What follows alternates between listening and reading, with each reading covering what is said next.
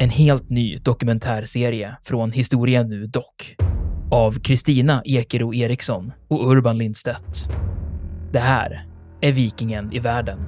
Vikingarna, de var inte något främmande folk. Sannolikt är det ett slags tempel, ett kulthus helt enkelt. Enligt legenden så är rykiderna skandinaver. Från skeppet och bränslet och slavinnan och hennes herre hade blivit till aska. Du hör dokumentären på historia.nu eller där poddar finns.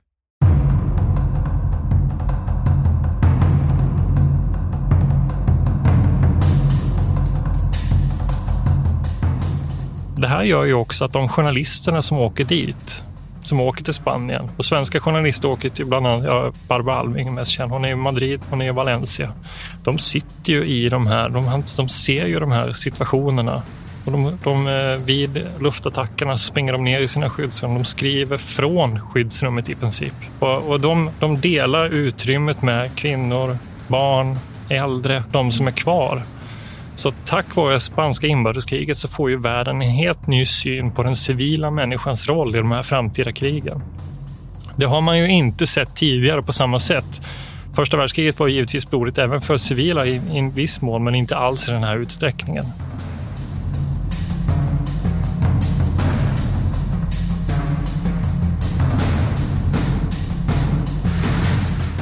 Militärhistoriepodden är podden om krig med människor och samhället i fokus.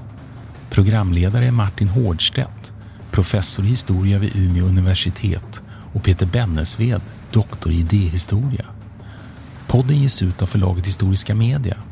Stöd gärna MH-podden via vårt swishnummer 123 610 76 68. Märk betalningen med MH-podden.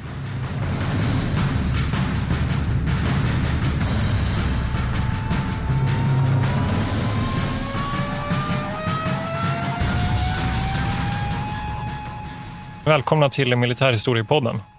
Mitt namn är Peter Bennesved. Och jag är Martin Nordstedt. Och idag ska vi snacka om spanska inbördeskriget. Och vi har lite underrubriker också. Kondorlegionen, huvudpratar en del om. Ja. Eftermälet, vad lär man sig?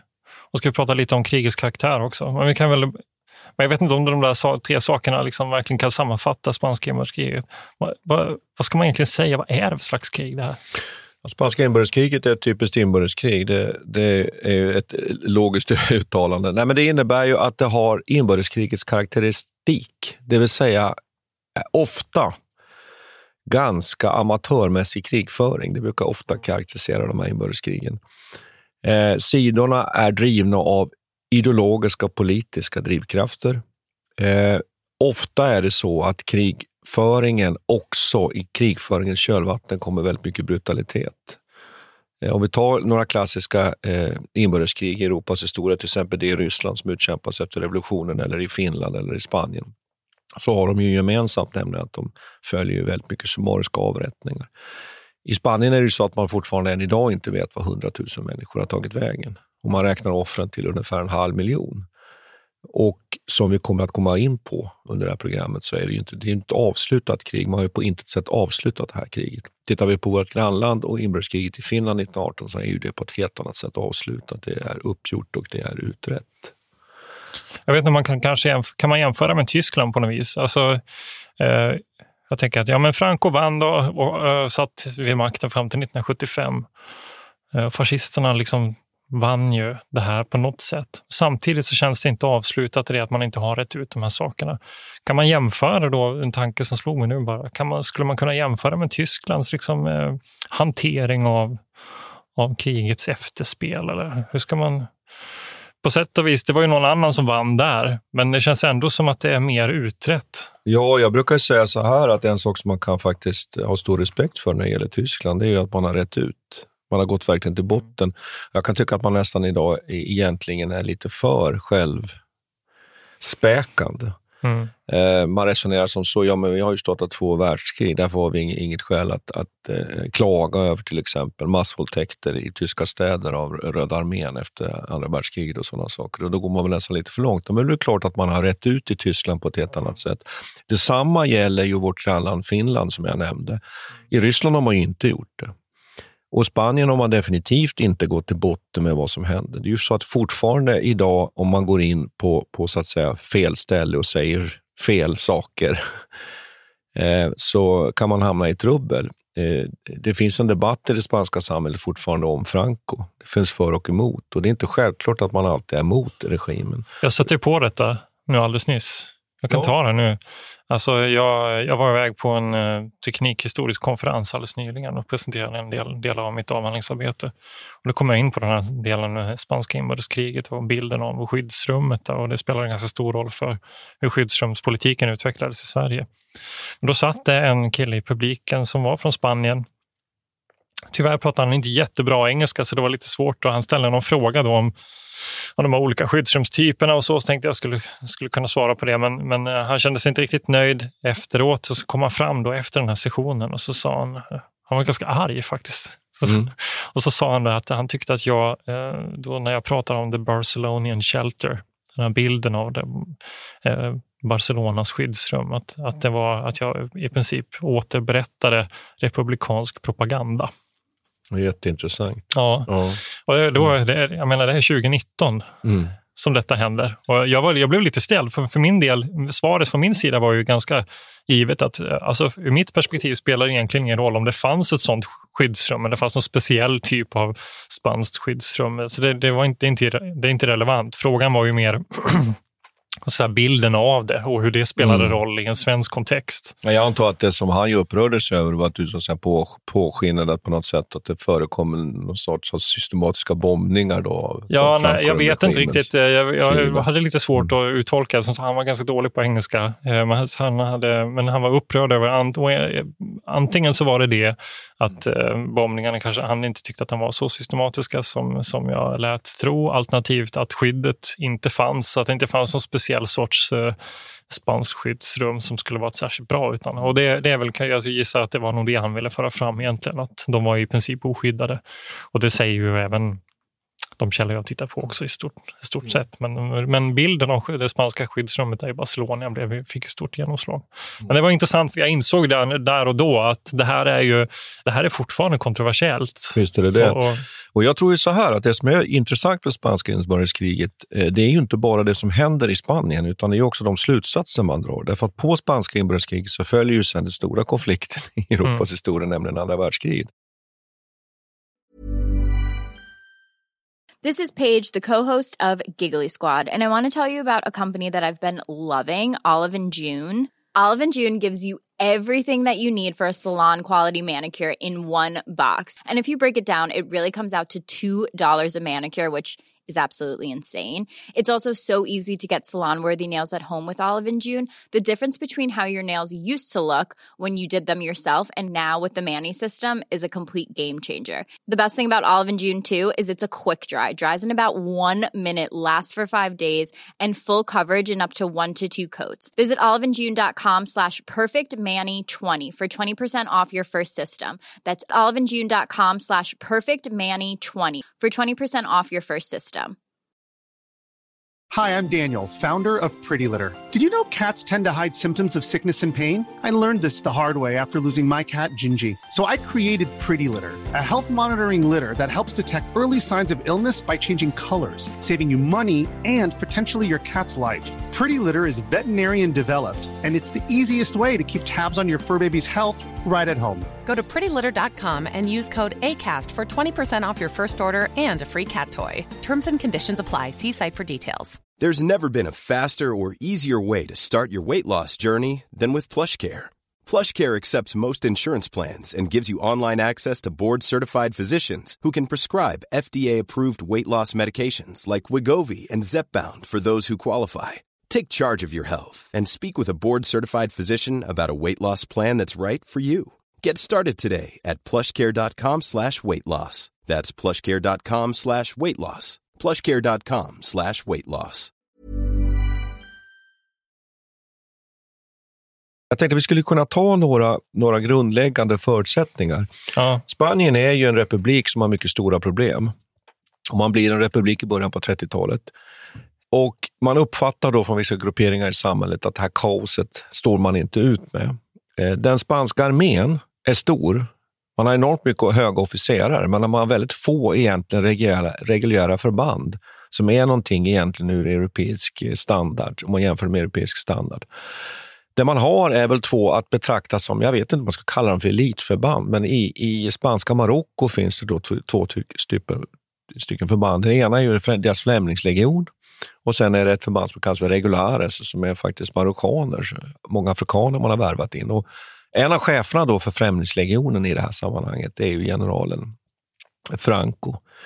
Och för att göra en mycket lång historia kort så inleds då ett kuppförsök 1936. Och Det som är så intressant med det här kuppförsöket är att för att få egentligen riktig fart på den här resningen mot republiken så måste man föra över de här förbanden som finns i Marocko, ungefär 10 000 man. Och här kommer vi direkt så kommer vi in på det som jag tror vi kommer att prata en hel del om idag, nämligen att Tyskland, Hitler, ger ju Francos sida möjlighet och med hjälp av att man skickar 20 stycken mm. transportflygplan. Man, man upprättar en luftbro som man brukar ibland säga till den första luftbron i världshistorien. Och det var, eh, det, den här förfrågan mottog de med glädje för att han bad ju, general Franco bad ju bara om 10 plan. Och fick 20. Och, fick 20. Och, och, här är vi nu inne på, på en sak som är jätteintressant. Att från tysk sida är man ju intresserad direkt av att finnas med i spanska inbördeskriget. Av många olika saker. Politiskt därför att man tänker sig att detta är naturligtvis en allierad i Europa, kanske en allierad i ett kommande storkrig. Och det andra är ju att man har en möjlighet här nu att, att pröva helt enkelt sin militära förmåga. Det finns också äh, industriella intressen i Spanien. Ja, självklart. Äh, järnmalm och kopparmalm. Det är ju, de byter ju de här planen mot just malm också. Mot, mot malm. Och Spanien använder det man har. Det som är spännande är att Tyskland 1935 har kastat ut Versailles-fördraget genom fönstret och börjat återupprusta. Man inleder 36 egentligen en form av fyraårsplan nästan i sovjetisk anda för att upprusta den tyska krigsmakten. Och här har man nu plötsligt en möjlighet att faktiskt testa sina vapen och det är första gången man använder tysk trupp utanför Tyskland sedan första världskriget. Det här leder till att det som först är en kupp, ett kuppförsök, som ett begränsat kuppförsök, som rimligtvis republiken kanske hade kunnat av att hantera, utvecklas istället till något helt annat, nämligen ett inbördeskrig som kommer att pågå fram till 1939. Och där man ju kan säga väldigt enkelt, eh, för att titta lite på, på förloppet, där kriget ju framförallt förs i de norra och de östliga delarna av Spanien kring Madrid och där ju republiken håller, håller Baskien, provinserna, de östra delarna av Spanien och där nationalisterna då ledda av, av, av Franco snabbt tar de västra centrala delarna av Spanien. Man kan prata lite om republikanerna, för de, var ju också, de fick också understöd eh, från sitt Det håll. fick de. Eh, och det är ju lite speciell karaktär, men egentligen så i slutändan så blir vi också saboterade. Då har ju Sovjetunionen då som, som byter egentligen spanskt guld, för republikanerna då skryter om att de har här. De har ju sin guldreserv som ja. de kan garantera sin ekonomi med. Och det är ju en fördel som de har gentemot Franco. Han har ju inga, inga sådana reserver. Ja, eftersom han ju inte egentligen, han, han representerar ju egentligen inte den, det, det, det, om vi säger så, det lagliga Spanien. Nej, precis. Mm. Han representerar ju bara armén och det. Mm. Uh, och, men då byter alltså republikanerna en hel del guld mot um, det, eh, sovjetiska flygplan och ja, det stridsvagnar, ja, stridsvagnar och Huvudsakligen ja, krigsmateriel ja. Men eh, man kan ju också titta på hur, eh, hur England och Frankrike agerar här. Frankrike var väl egentligen villiga att, att kliva fram på republikanernas sida men blev övertalade av av britterna egentligen mm. till den här non-interventionspakten. Ja, man vill isolera det här kriget och där, där har man med att det finns en massa olika skäl till det. Man är rädd för att det här ska sprida sig. Vi komma ihåg att det är en, det är en period i, i Europas historia där man fortfarande lever efter första världskriget, aldrig mer. Eh, det finns inte någon opinion, till exempel i Storbritannien, för ett, för ett europeiskt storkrig. Man, man har uppfattningen att Versaillesfördraget har varit för hårt mot Tyskland. Man accepterar lättnader när det gäller, man ser mellan fingrarna med det. Eh, väldigt, väldigt ambivalent hållning från eh, de allierades sida. Och framförallt är de ju mer rädda för kommunismen än vad de är av... De är absolut mer, mer ja. rädda för kommunismen. Så den här, den här non-interventions eh, pakten leder ju egentligen bara till att man lägger upp ett, ett ekonomiskt embargo mot republikanerna, vilket skälper deras Alltså de får inget stöd. Och så Nej. tänker man sig då att Italien och, och eh, Tyskland också ska skriva på det här. Och det, de bara förhalar ju den här processen medan Hitler ja. då skickar flygplan ner till Franco. Så att konsekvenserna av den blir ju snarare att eh, Tyskland och Frankrike eh, saboterar. Mm, mm. Och man kan säga att republikanska sidan de stöttas ju framförallt naturligtvis av kommunister, socialister och liberaler. Medan Franco-sidan, där har man ju de traditionella, vad ska vi kalla det för, konservativa stöttepelarna i det spanska samhället. Kyrka, ämbetsmannastaten och armén. Och man bildar en, en samarbetsorganisation som heter Falangen. Och vi ska inte gå in mer på det här i detalj. Ja, det Men det här är så att säga laguppställningen. Men det är, jätte, det, är jätte, det är rätt viktigt det du säger, att Sovjet är också med och stöttar men på ett hutlöst sätt tar ju betalt ja. med den här guldreserven. Ja, man får väl säga att man lurar i stort ja. sett den spanska republiken som ju betalar mycket, mycket mer för Samtidigt de här Samtidigt såg han ju ändå en stor potential i det här, att man skulle kunna få ett nytt kommunistiskt land i Europa och man skulle bryta isoleringen. Och, slippa det. Och, vi ska inte heller sticka under stolen med att man skickar ju en hel del eh, rådgivare. Man, man brukar räkna med väl ungefär med att 2000 sovjetiska militärer finns sammanlagt i, under, i Spanien under inbördeskriget. Ungefär 500 samtidigt under så att säga. Så de internationella brigaderna är ju i princip tränade av dessa? Ja, det är de och det är 30 000 man. Och den här krigsmaterielen är naturligtvis helt avgörande för den, den republikanska sidans krigsinsats, alltså trots att man blir lurad på den här guldreserven. Eh, men man kan väl säga så här då, att det som, det som händer med inbördeskriget är att man ju 1937 tar man ju de, de norra delarna. Vi har eh, själva återkomma till det här. Det är operationerna mot Bilbao med Guernica och så vidare. Och sen under 38 och 39 tar man de här, och den här, den här stora, eh, viktiga upp, uppgörelsen, den slutuppgörelsen i kriget är ju, är ju slaget längs med, med Ebrofloden. Då. Eh, som vi har anledning att diskutera lite mer här, som är republikens sista, sista försök.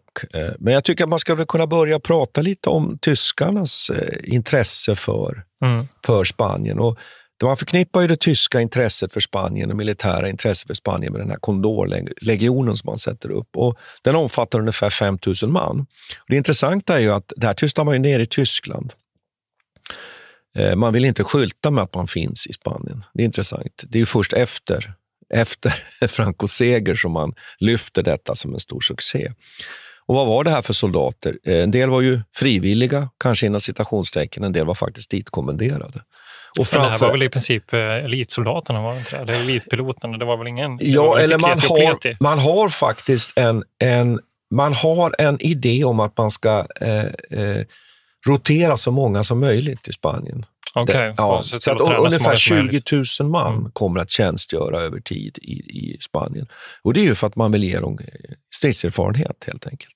Av samma skäl att man faktiskt samarbetade med Sovjet under mellankrigstiden. Så det innebär att spanska inbördeskriget är väldigt intressant ur ett andra världskrigsperspektiv och ur ett tyskt militär vad ska vi säga, upprustningsperspektiv. Vad är det man framför allt testar i Spanien?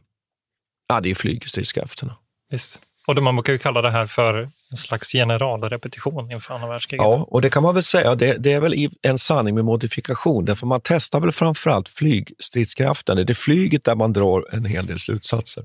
De har ju med sig luftvärn också. Jag tror att den här 88. Ja, det har man. Så man testar ja. flygbomb. Man testar, som du är inne på, 88, mm. den som blir den legendariska så oerhört kraftfulla, faktiskt från början luftvärnskanoner, men som, som sen kommer att användas även som antitankvapen och sätts ju sen in i, i, i tyska stridsvagnar som huvudkanon helt enkelt.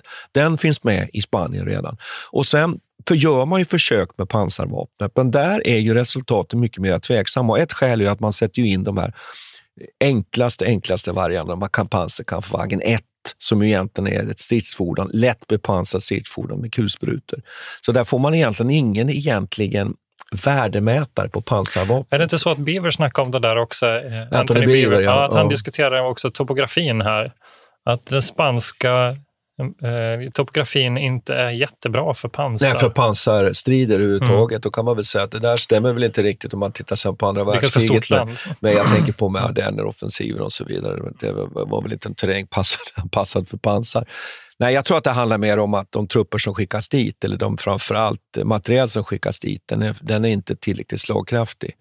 Det är ingen värdemätare. Så man kan säga att när det gäller pansarvapen, vi skulle egentligen kunna lite, lite släppa den sen, så kan man säga att där drar man inga slutsatser, utan den utveckling dit, man, dit hän man utvecklar det tyska pansarvapnet sen så småningom, den leds ju mer av egentligen två riktningar. Dels är det så att säga en allmän oro i den tyska generalstaben att man vill inte släppa iväg de här pansardivisionerna för långt, utan man vill hela tiden se till att infanteri och artilleri följer upp.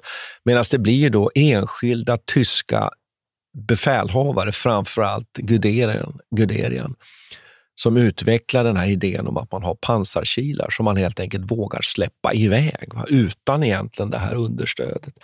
Så att här är en sak som är väldigt viktigt att komma ihåg att Spanien påverkar inte utvecklingen av pansarvapnet. Och utvecklingen av pansarvapnet, det som vi förknippar med den här klassiska blixtkrigstaktiken, eh, den har mer att göra med enskilda befälhavares initiativ. Den, den tyska generalstaben, överkommandot, var hela tiden orolig, så sent som under offensiven mot Frankrike 1940 att släppa iväg de här pansarkilarna, utan det är mer så att det växer fram en, en, en lysande eh, pansartaktik. Då, va? Men som man inte var helt enig om och det fanns rädslor kring att göra detta. Men nog om det. Flygvapnet är ju intressant däremot. Det, det tycker jag är det mest spännande med Spanien. Ja, men, eh, ja, precis. Men ska vi kolla, ska vi fundera lite över, ska vi gå igenom några av de här eh, huvudsakliga vad ska man säga, händelserna? de viktigaste händelserna? Ja, ja. ska vi bocka av dem? Eller? Ja, jag, jag, tycker nu finns det ju väldigt många slag naturligtvis. Ja, det är, precis, och det, det, kan man väl säga att det här, det här är ett krig som är väldigt svårt att, att liksom diskutera. Det finns ingen riktigt rak linje. Det finns ingen liksom enkel utvecklingslinje att diskutera heller. Men Nej, det finns ju några tillfällen mm. eh, som, som är, intressanta ja, ur ett militäriskt och, och Vi kan återkomma till Guernica bland annat när vi pratar ja. om eh, luftkriget. Där. Men det ja. finns ju några andra också. Vilka ska vi nämna? Ja, man kan väl säga så här, va, att, att eh, eh, dels tycker jag nog att det är intressant med det här slaget. Vi, vi, det är lite svårt att uttala det här faktiskt. Du får hjälpa mig här nu då. Guadalajara. Ja, Guadalajara. Säger, jag, men jag vet inte, jag vet inte vilket som är rätt. Guadalajara. Ja. Eh, det är ett slag som faktiskt utkämpas i mars 1937. Och det är väldigt intressant ur det perspektivet, nämligen att även italienarna finns ju på plats i och det här är enda, egentligen det enda slaget då republikanerna lyckas med någonting? Va? Eller ska man, kan man vara det är inte fräck? enda gången, men man kan Nej. säga att det är en av de få gångerna som republikanerna har en väldigt tydlig militär framgång. Italienarna sätter in ett antal divisioner i en offensiv som stoppas upp av republikanerna. Och det intressanta är att det är italienskt pansar mot faktiskt republikanskt infanteri som är väl, relativt väl förberett. Och dessutom faktiskt så är det så att det är sovjetiskt flyg. Och här har man då diskuterat just detta att pansaret stoppas upp av kombinationen av ett väl förberett infanteriförsvar och ett luftangrepp från republikens sida. Det är lite intressant. Att det betyder att ändå de här flygstridskrafterna som Sovjet hjälpte republik med fick en betydelse. Det intressanta egentligen med slaget i mars 1937, den är ju dels att man drar slutsatser i omvärlden kring det här. I Frankrike säger man så här, ja men titta, pansar kan inte, kan inte rå på infanteri som är väl förberett, grupperat i försvar. Mm. Eh, från tysk sida säger man så här, nej men det beror bara på den italienska inkompetensen. och därför drar man ingen slutsats av det här, utan man fortsätter, som vi har varit inne på, att utveckla sin, sin pansartaktik fortsatt. Återigen eh, ett belägg för att, att just när det gäller pansartaktiken så har inte inbördeskriget i Spanien så stor betydelse. Samtidigt kan man också säga att flyget visar sig ha en stor betydelse. Man kan alltså med flygstridskrafter stoppa pansaranfall. Eh, och det är ju någonting som man tar med sig in i andra världskriget. Hi, I'm Daniel, founder of Pretty Litter. Did you know cats tend to hide symptoms of sickness and pain? I learned this the hard way after losing my cat, Gingy. So I created Pretty Litter, a health monitoring litter that helps detect early signs of illness by changing colors, saving you money and potentially your cat's life. Pretty Litter is veterinarian developed, and it's the easiest way to keep tabs on your fur baby's health right at home. Go to prettylitter.com and use code ACAST for 20% off your first order and a free cat toy. Terms and conditions apply. See site for details. Even when we're on a budget, we still deserve nice things. Quince is a place to scoop up stunning high end goods for 50 to 80% less than similar brands. They have buttery soft cashmere sweaters starting at $50, luxurious Italian leather bags, and so much more. Plus, Quince only works with factories that use safe, ethical, and responsible manufacturing. Get the high-end goods you'll love without the high price tag with Quince. Go to quince.com/style for free shipping and 365-day returns. Quality sleep is essential. That's why the Sleep Number Smart Bed is designed for your ever-evolving sleep needs. Need a bed that's firmer or softer on either side? Helps you sleep at a comfortable temperature? Sleep Number Smart Beds let you individualize your comfort so you sleep better together. JD Power ranks Sleep Number number 1 in customer satisfaction with mattresses purchased in-store. And now save 40% on the Sleep Number limited edition Smart Bed for a limited time. For JD Power 2023 award information, visit jdpower.com/awards. Only at Sleep Number stores or sleepnumber.com. Jag tycker en annan sak som vi, vi ska lyfta fram det är ju att italienarnas insatser under spanska inbördeskriget är katastrofala på många sätt. Och man säger från tyst håll att man insåg inte riktigt italienarnas militära svaghet. Det har man kommenterat i efterhand. Det finns ju, finns ju en del intressanta... Man intervjuar väldigt mycket tyska officerare efter andra världskriget och där framkommer i många av de intervjuerna att bland annat bland de som var med faktiskt i Spanien, redan i Spanien på tysk sida, att man sa att ja, vi insåg inte italienarnas svaghet. Utan det är i efterhand. Eh, så att man kan väl säga så här sammanfattningsvis att, att för Spanien så är det mest intressanta det är tyskarnas vad man drar för slutsatser från tysk sida, tycker jag. Men slaget vid Guadalajara. Guadalajara. Guadalajara. Guadalajara. Guadalajara. Ja, är ju ett, ett tycker jag, exempel. Ett annat mm. exempel vi ska kunna diskutera det är ju faktiskt eh, Ebroslaget. Just det, och det mot, man kan säga bara avslutningsvis att, här, att eh, Guadalajara mm. eh, har väl då det här är ju en del av offensiven mot Madrid. Då. Och att eh, de egentligen stoppar upp nationalisterna. Eh, ja, nationalisterna vill omringa Madrid ja, och genom att, man helt, eh, genom att man lyckas trycka tillbaka italienarna här så håller man fortfarande så att säga, landförbindelse mm. med Madrid mm. kvar. Då. Och det här leder väl till bland annat att, Madrid inte faller på väldigt långt väldigt Det är på lång tid, för, först precis i slutet. Va? Så jag tycker att det, man kan lyfta fram det andra, andra slag som jag tycker är intressant ur, ur militär operativ och militär taktisk synvinkel. Det är ju, är ju det stora euroslaget, det som är i särklass den största uppgörelsen, militära uppgörelsen under inbördeskriget. Det är ju längs med Ebrofloden och bakgrunden är ju där att vid det laget så är ju alltså den här östra republikanska området har ju blivit kluvet. Så det betyder att det finns alltså en del kring Barcelona, Katalonien, som är under republikanskt kontroll. Och sen är det så att säga i, i den sydöstra delen av Spanien med Valencia, Madrid och så vidare. Och då vill man från republikansk sida vinna en framgång. Det är viktigt att för, för omvärlden visa att man har en seger. Man, man behöver en seger och man har en, form, en idé om att man ska kunna öppna upp den här korridoren och öppna upp då förbindelsen mellan de här två områdena som man då i norr och söder som man, man eh, kontrollerar. Och Då sätter man igång den stora offensiven vid Ebrofloden. Den är framgångsrik inledningsvis. Eh, Nationalisterna blir tagna på sängen. Men sen fastnar man ju i en, vad ska vi säga, en sorts ficka med ryggen mot floden. Och här kommer ju eh, det hela att utvecklas till ett, ett utnötningskrig i alla första världskriget skulle man kunna säga. Och det här, här så småningom förlorar ju republikanerna eh, hela det här slaget med enorma förluster. Nationalisterna har också stora förluster, men då finns en stor skillnad.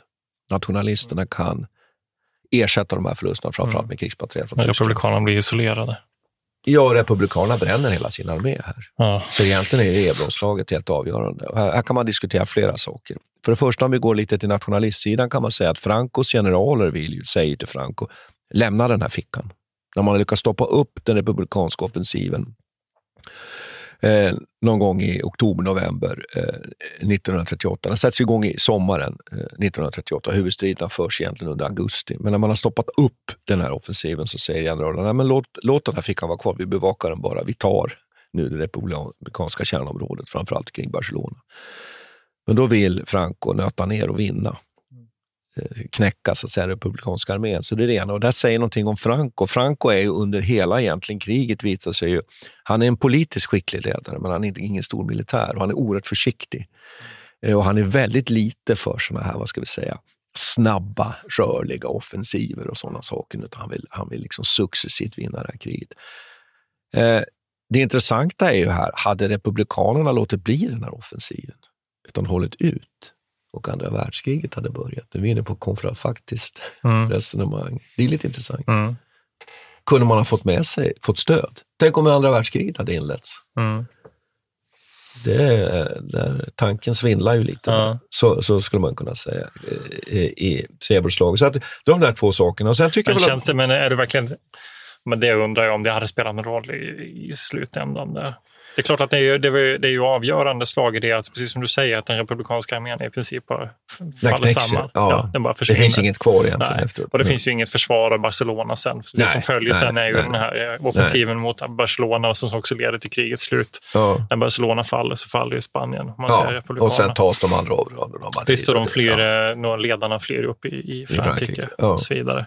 Men jag menar, Ja, det är klart du kan ju fundera, men de hade ju aldrig kunnat. Det är inte så att Republikanerna hade kunnat slå tillbaka mot Franco. nej, men alltså, nej, resonemanget bygger ju på att andra världskriget hade inletts och därför hade de allierade.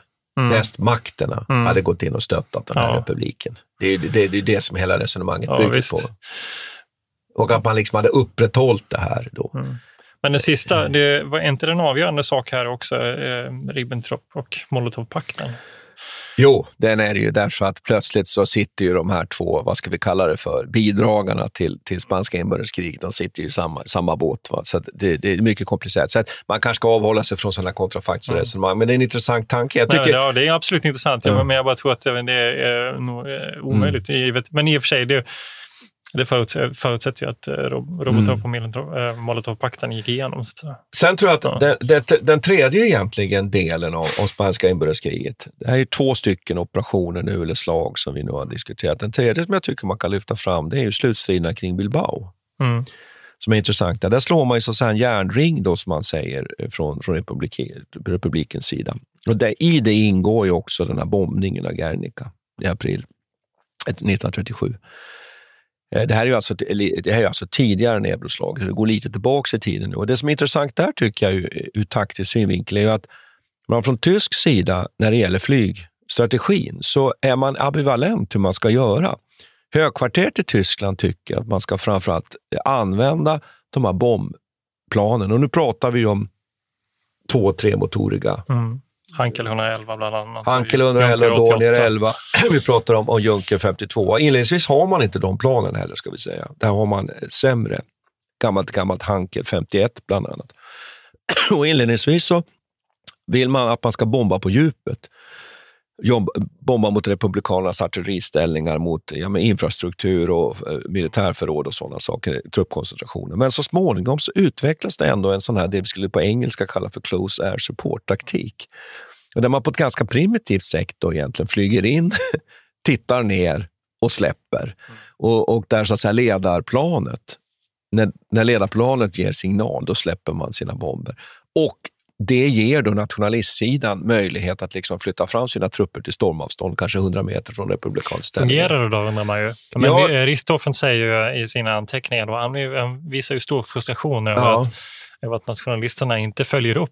Nej, de gör inte det. Men det är ändå så att här har vi liksom mm. fröet till någon form av... av eh, och också att man sen får ju in lite senare de här Junker 57 som ju släpper sina störtbombar, störtbombare som också har väldigt, väldigt stor psykologisk effekt med sin siren och hela detta. Eh, men en men, sak jag skulle vilja fråga där, ja. då, man, man kan, kan diskutera. För det där förutsätter ju också att det inte egentligen finns någon motståndare i luften. För vid det här laget så har ju då Kondorlegionen fullkomlig eh, dominans ja, i luften. luften och man har också fått in de här med Messerschmitt 109 ska Precis, tilläggas. och det betyder också att de kan skicka in sina bombplan utan egentligen ja. någon, någon försvar, ja. utan några jaktplan som, som stödjer dem. Ja. Alltså, de har i princip fritt fram. Och, och, det kan man ju fundera på om det hade, hade gjort någon skillnad då om eh, Republikanerna hade kunnat möta i luften.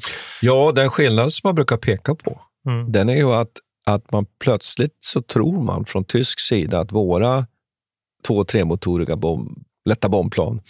De kan flyga från jaktplanen. Mm. Och det är att man, man i inledning, inledningen sen så småningom av, av slaget i Storbritannien så blir man ju tagen på sängen av att man plötsligt möter ett, ett, ett jaktflyg från brittisk sida som ju är, håller samma standard som sitt eget jaktflyg.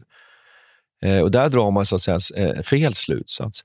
Det här, det här är såna klassiker i militärhistorien, i krigets historia, att man drar fler fel slutsatser. Så här invaggas man i någon sorts säkerhet. En annan sak som utvecklas i Spanien som får stor betydelse, det är att det här jaktflyget inleder ju med att, att eh, använda sig av de här mera gammeldagsa formationerna när man flyger in, men lär sig sen så småningom att utveckla det här rotesystemet. Att man flyger två och två. Att man har en som jagar, anfaller och en som ligger bakom och skyddar. Att man ofta jobbar ihop två och två i en så kallad svärm. Okej. Okay. Ja, och man har en rote 1 och en rote 2. Det här är ju den klassiska, sen så småningom, jakttaktiken och den, den, över, den lär man sig i Spanien. Den får jättestor betydelse och man har stor framgång med den under slaget om Storbritannien sen under andra världskriget.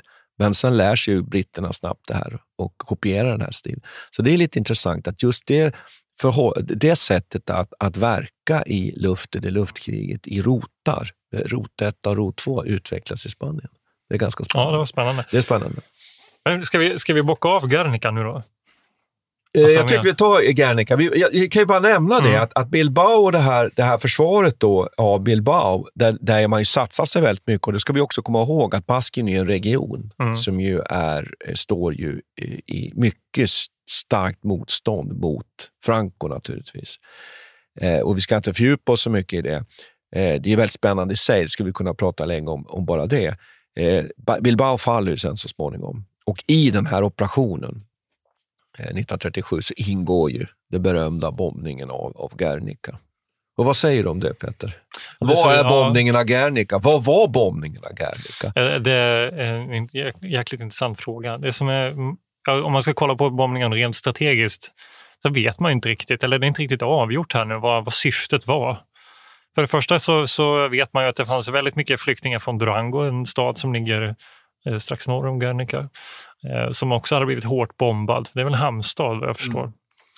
Så det fanns ju ett stort antal flyktingar därifrån som hade samlats i Guernica. Sen är det ju en väldigt symbolisk stad och Baskiens liksom huvudfäste med sitt berömda träd och så vidare.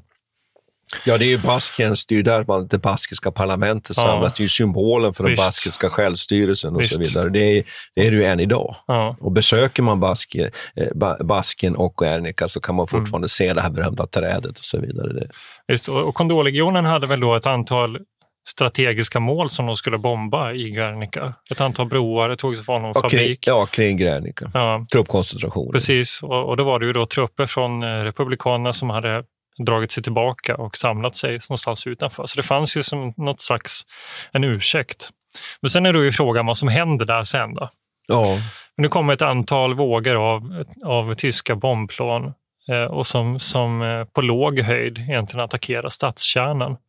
Jag tror att de försöker sig på att bomba även utkanterna där man tänker sig att de här mm. trupp, tillbakadragande trupperna finns. Och också öppnar eld med kulsprutor mot människor ja. på, på marken. Då är det ju svårt att hävda att det är något särskilt strategiskt här ja. när man går.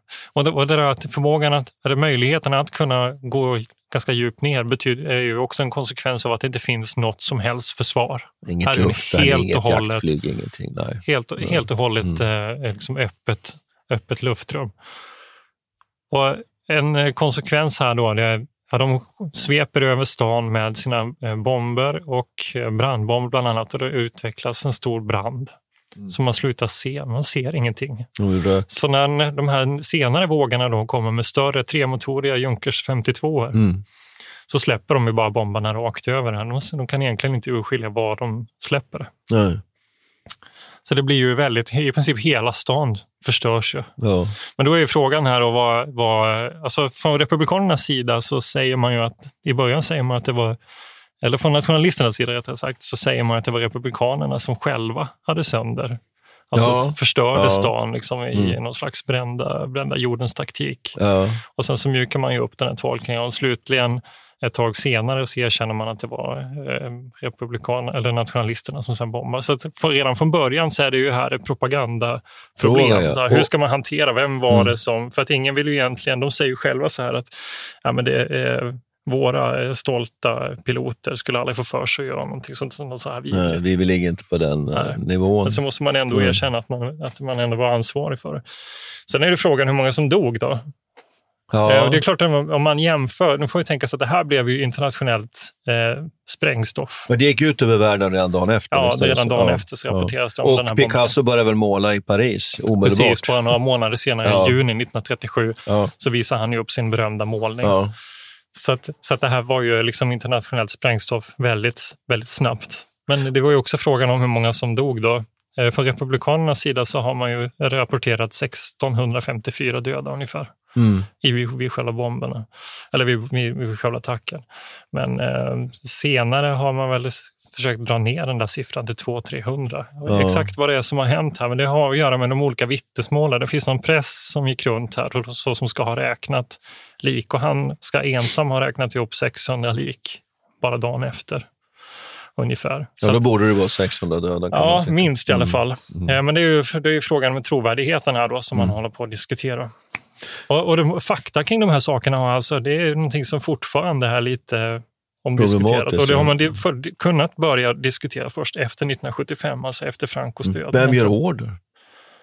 Ja, det är frågan. Ja. Och det är väl också en sak man har diskuterat. Mm. Är det en order från Franco? Är det en Ja, order på lägre nivå? Kommer det ner? Ja. Mm. Och som du säger, så att här, här pendlar det ju mellan, är det ren terrorbombning? Mm. Att man tänker sig att man skulle vilja bomba Guernica, eftersom det är en symbol för den, den bas, baskiska nationella identiteten och så vidare, ända till, ända till i den andra änden, att det helt enkelt är ett, i stort sett ett misstag. Mm. Eh, och här mellan pe- pendlar ju förklaringarna. Visst. Det, det får ju stort symbolvärde när man diskuterar den sen inom någon, eh, någon in- vad heter det? Eh, interventions... Ja, i någon interventionspakten här också, hur man ska hantera det Ja. här. Ja, men, ehm, Men det man kan Ja. konstatera är ju att Guernica och bombningen av Guernica blir ju symbolen för nationalismens, nationalistsidans ondska. Så kan man ju säga. Och Franco-regimen misskrediteras ju oerhört. och inte minst att trädet överlever. Det Trädet klarar sig. Ja. Och det, det Symbolvärdet i det är ju enormt också. är ju enormt. Då, ja. Eh, Så att här är vi ju inne på någonting som också börjar nu, vi glider över nästan lite på politiska frågor, nämligen ba- baskiska separatismen, baskiska nationalismen, och det kanske vi ska lämna därhän. Eh, Men jag tycker att det finns mer att säga om Ja, tycker, rapporteringen. Ja, det tycker jag absolut. Eh. Alltså, den här, och man kan väl säga så här att, att Guernica är ju... Det har ju blivit viktigt, eh, Eh, en viktig symbolfråga i efterhand. Eh, men just för Sveriges del, jag tycker vi kan glida in lite hur, man rapporterar om det här i Sverige också. För att det här blir ju så eh, viktigt. Vad ska man säga, journalisterna som åker och ser på de här sakerna. Nu vet jag inte om det var någon som var just i Guernica, men bombkriget överlag i Spanien blir ju en väldigt central eh, sak som man rapporterar om. Det är en helt ny typ av krigsjournalistik egentligen som, som kommer fram i spanska inbördeskriget. Det beror på att för det första så är det första gången på europeisk mark som man utför den här typen av bombningar. Så Man har tidigare bara bombat i kolonierna, så Ja. att säga, man sig så. Britterna har ju varit väldigt skickliga på att bomba i kolonierna Ja. och använder många av de här taktikerna som Och tyskarna gör. Italienarna har bombat Ja, Etiopien. italienarna absolut. En av Ja. de första, första bombningarna sker ju i Libyen. Mm. Men eh, det här är alltså första gången som det här sker på europeisk mark. Mm. Och det finns någon slags, ja, som jag tycker är väldigt intressant, och det finns någon form, någon form av luftskyddstänkande här. Och, och man bygger också en del skyddsrum och liknande för att eh, kunna hantera det här bombkriget. Och det här gör ju också att de journalisterna som åker dit, som åker till Spanien, och svenska Mm. journalister åker till bland annat, ja, Alving är mest känd, hon är i Madrid, hon är i Valencia Mm. bland annat. De sitter ju i de här, de, de ser ju de här situationerna. Och de, de, eh, vid luftattackerna springer de ner i sina skyddsrum. De skriver från skyddsrummet i princip. Mm. Och där får en helt ny typ av... Autenticitet. Ja, Ja. och, och de, de delar utrymmet med kvinnor, barn, äldre, de som Mm. är kvar. Mm. Så tack vare spanska inbördeskriget så får ju världen en helt ny syn på den civila människans roll i de här framtida krigen. Det har man ju inte sett tidigare på samma sätt. Första världskriget var givetvis blodigt även för civila i, i en viss mån, men inte alls i den här utsträckningen. Eh, Och och de, det var ju mer en fråga om svält, sjukdomar, handelsblockader och annat som, som drabbade civilbefolkningen. Spanska inbördeskriget sätter precis fingret på det här nya som vi, som vi måste hantera. Och då är det alltså journalisterna väldigt centrala i det. Bilder kommer upp i Dagens Nyheter, Svenska Dagbladet här bland annat, där man får se precis samtidigt som luftskyddspolitiken har byggts på. A lot can happen in the next three years. Like a chatbot may be your new best friend. But what won't change? Needing health insurance. United Healthcare Tri Term Medical Plans are available for these changing times. Underwritten by Golden Rule Insurance Company, they offer budget friendly, flexible coverage for people who are in between jobs or missed open enrollment. The plans last nearly three years in some states, with access to a nationwide network of doctors and hospitals. So, for whatever tomorrow brings, United Healthcare Tri Term Medical Plans may be for you. Learn more at uh1.com. Hi, I'm Daniel, founder of Pretty Litter. Cats and cat owners deserve better than any old fashioned litter. That's why I teamed up with scientists and veterinarians to create Pretty Litter. Its innovative crystal formula has superior odor control and weighs up to 80% less than clay litter. Pretty Litter even monitors health by changing colors to help detect early signs of potential illness. It's the world's smartest kitty litter. Go to prettylitter.com and use code ACAST for 20% off your first order and a free cat toy. Terms and conditions apply. See site for details. Planning for your next trip? Elevate your travel style with Quince. Quince has all the jet setting essentials you'll want for your next getaway, like European linen, premium luggage options, buttery soft Italian leather bags, and so much more. And is all priced at 50 to 80% less than similar brands. Plus, Quince only works with factories that use safe and ethical manufacturing practices. Pack your bags with high-quality essentials you'll be wearing for vacations to come with Quince. Go to quince.com slash pack for free shipping and 365-day returns. Din eh, motpol här på konferensen, det väl han kanske var upprörd över då, var väl just bilden av att nationalisterna bombade civila. Var det det som han tyckte var propaganda? Ja, men jag, tror, ja, nej, jag tror nog snarare det handlar om att de här skyddsrummen som man väl byggde, den typen av, så som man faktiskt hanterade Ja. från civilt håll, det var så undermåligt. Alltså, det var Okej, en så han tyckte att du liksom på något sätt överdrev den Ja. republikanska sidans Precis. förmåga att förs- att Ja, försvara eller skydda sin civilbefolkning. Det, det är väldigt intressant. Ja. För att, för att de här, eh, det är ju ungefär samma sak som eh, vad säger, luftskyddsarbetet i, i Mm. Paris under första världskriget. Det fanns ju, men det var ju oerhört undermåligt. ja. Men, Men- det var inte alls den mm. utsträckningen, att man bombade inte på det viset heller under den tiden. Man Men, men det inte. du säger här är att, att den europeiska opinionen och allmänheten, Mm. allmänheten får för första gången här bli varse Ja. att i det moderna kriget så kommer det vara så att ingen är skyddad. Exakt. Och bor man särskilt i en stad så får man räkna med att här kommer det vara Mm. systematiska bombningar. Och häng med på det här nu. Chamberlain, eh, 1938. Ja, Det här under, eh, I mars 1938 så bombar man Barcelona. Det är huvudsakligen italienare Mm. som bombar Barcelona. alltså Men- Chamberlain är ju brittisk premiärminister. Ska vi komma Ja. ja. Men han är då på väg eh, under våren där, eller sommaren, Mm. på väg ner till München för att hantera krisen i Tjeckoslovakien. Och förhandla med Adolf Mm. Hitler. Och när han lyfter då från London så sitter han och tänker och ser han Themsen.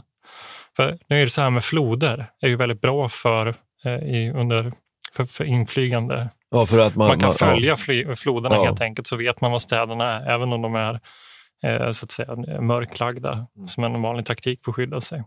Han ser Themsen, han ser London och så har han precis läst om Barcelona. Och då konstaterar han där på vägen upp, vi måste eh, hantera Hitler för, att- för att det brittiska folket kommer inte klara av det här som man har upplevt i Barcelona. Och betyder det att han är medveten om att det är tyska bombplan som har bombat Barcelona? Ja, i det laget Okej. vet de ju det.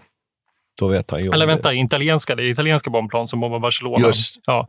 Men han är ju medveten om att, eh, Att det fin- tyskarna ja, också tyskarna gör det här, finns att det här Ja, är framtiden. ja, det är och han gör ju Mm. den då, han, han inser ju då att Mm. det här tror inte jag britterna kommer klara av. Nej. Och därför då, det, är ju, det här är ju en tolkning. Mm. Men här tycker jag att vi har en koppling mellan spanska inbördeskriget och den här storpolitiska scenen. Nämligen att, att som jag brukar alltid upp, upp, upprepa, nämligen att det finns inte i Storbritannien en opinion att gå i krig. vid det här laget. Och att man som, som Chamberlain, som du refererar till här, inser från ledningen i Storbritannien att man måste på något sätt undvika kriget så långt, så länge. Vi är dels inte förberedda för det moderna kriget, dels finns det inte en opinion. Befolkningen är inte beredd att kämpa som under första världskriget. Och sen vet vi ju alla att man säljer ut Tjeckoslovakien i Münchenuppgörelsen, eller hur? Men sen när hotet mot nästa steg, mot Polen, då har saker och ting hänt. Då har det vänt då är, beredd, då är plötsligt den, den, den, brittiska allmänheten beredd och då går ju, går ju Storbritannien i krig. Va? Så det betyder ju också att under den här perioden som spanska inbördeskriget förs, vad som vi redan har nämnt här, så, så är man ju inte från de allierades sida beredd att, att gå in i något krig. Och det är spännande. Men så här finns det alltså en koppling mellan bombningarna av Spanien och Ja, ja. jag tycker det. Det, nu, nu får man ju börja, det, får man, alltså det är ju en tolkning som en, speciellt en historiker mm. som jag läst som, som har gjort den här kopplingen. Eh, och det vet jag inte om man kan inte svara på allting. Men det säger ju någonting om hur viktigt hur symbolvärdet av det här kriget var. Eh, och just att, att luftkriget hade flyttat till Europa. Och att, och att det var någonting nytt som var tvungen att hantera. Och jag tycker det är intressant här med, jag tänker på svensk luftkrigstaktik i den här tiden. Vid försvarsbeslutet 1936 så går man ju över till eh, att man tänker sig att man ska bomba preventivt motståndarens luftbaser. Man mm. släpper mm. tanken på att man ska ha jaktplan för att man ser ju eh, då hur Tyskland bygger upp sitt, eh, sitt Luftwaffe just med de här principerna. Man ska ha medeltunga tvåmotoriga plan eh, som man tänker sig då ska kunna använda i bland annat Polen och som så testas i Spanien. Mm. Och det här ser Sverige och bygger upp sin taktik precis därefter. Mm. Så att det finns ju en slags cirkelrörelse här som är, hur man liksom kan spåra de här förändringarna i taktik. Just det. Eh, men man, kan, man skulle kunna avrunda i alla fall och säga, med en, en viktig sak när det gäller spanska inbördeskriget som vi var inne på i början. att eh, Alla de här slutsatserna kring det militära, mm. det taktiska, kanske till och med det operativa, att man, man lär sig vissa saker i Spanien. Så, så är det ju en sak i alla fall som, som ju skiljer inbördeskriget här från, från det reguljära kriget och det är just att man, man använder sig av de här summariska likvideringarna bakom för att nöta ner motståndarsidan.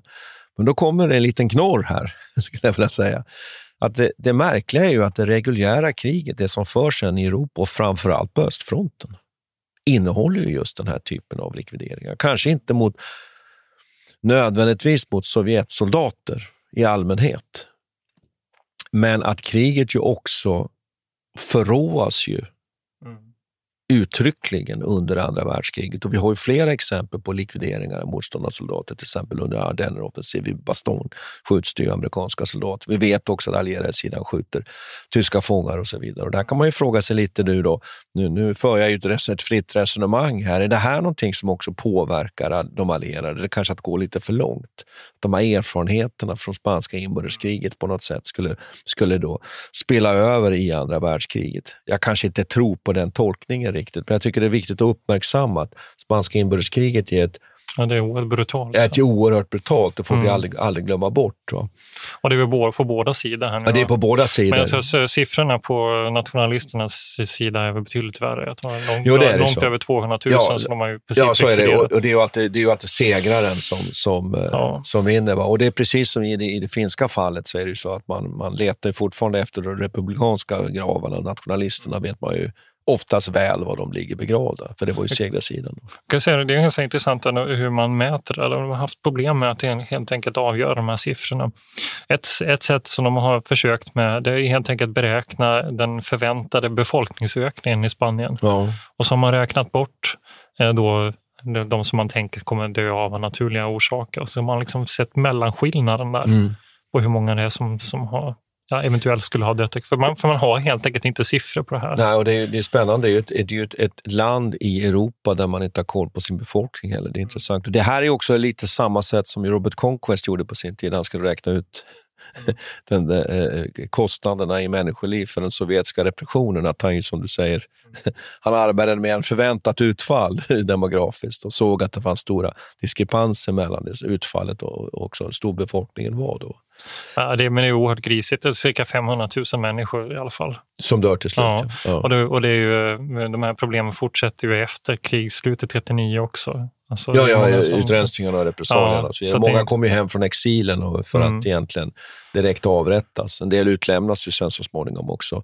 Från till exempel Vichy, Frankrike utlämnar ju en hel del av de här ledarna som har flytt till Frankrike från republiken.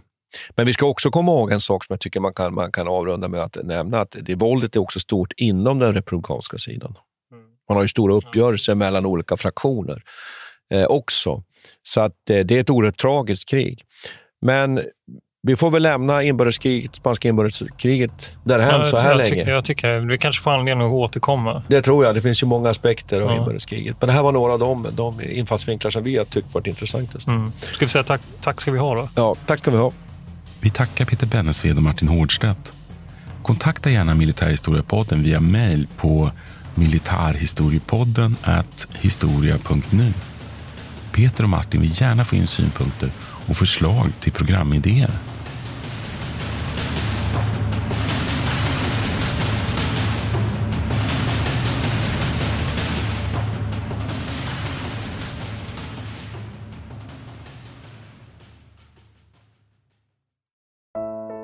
Iran har under 1900-talet genomgått tre omvälvande revolutioner som orienterat landet antingen mot västerlandets modell eller mot en auktoritär styrelseform. Idag pågår en social revolution i landet som vänder sig mot det islamistiska styret och vars anhängare har Europa och väst som förebilder.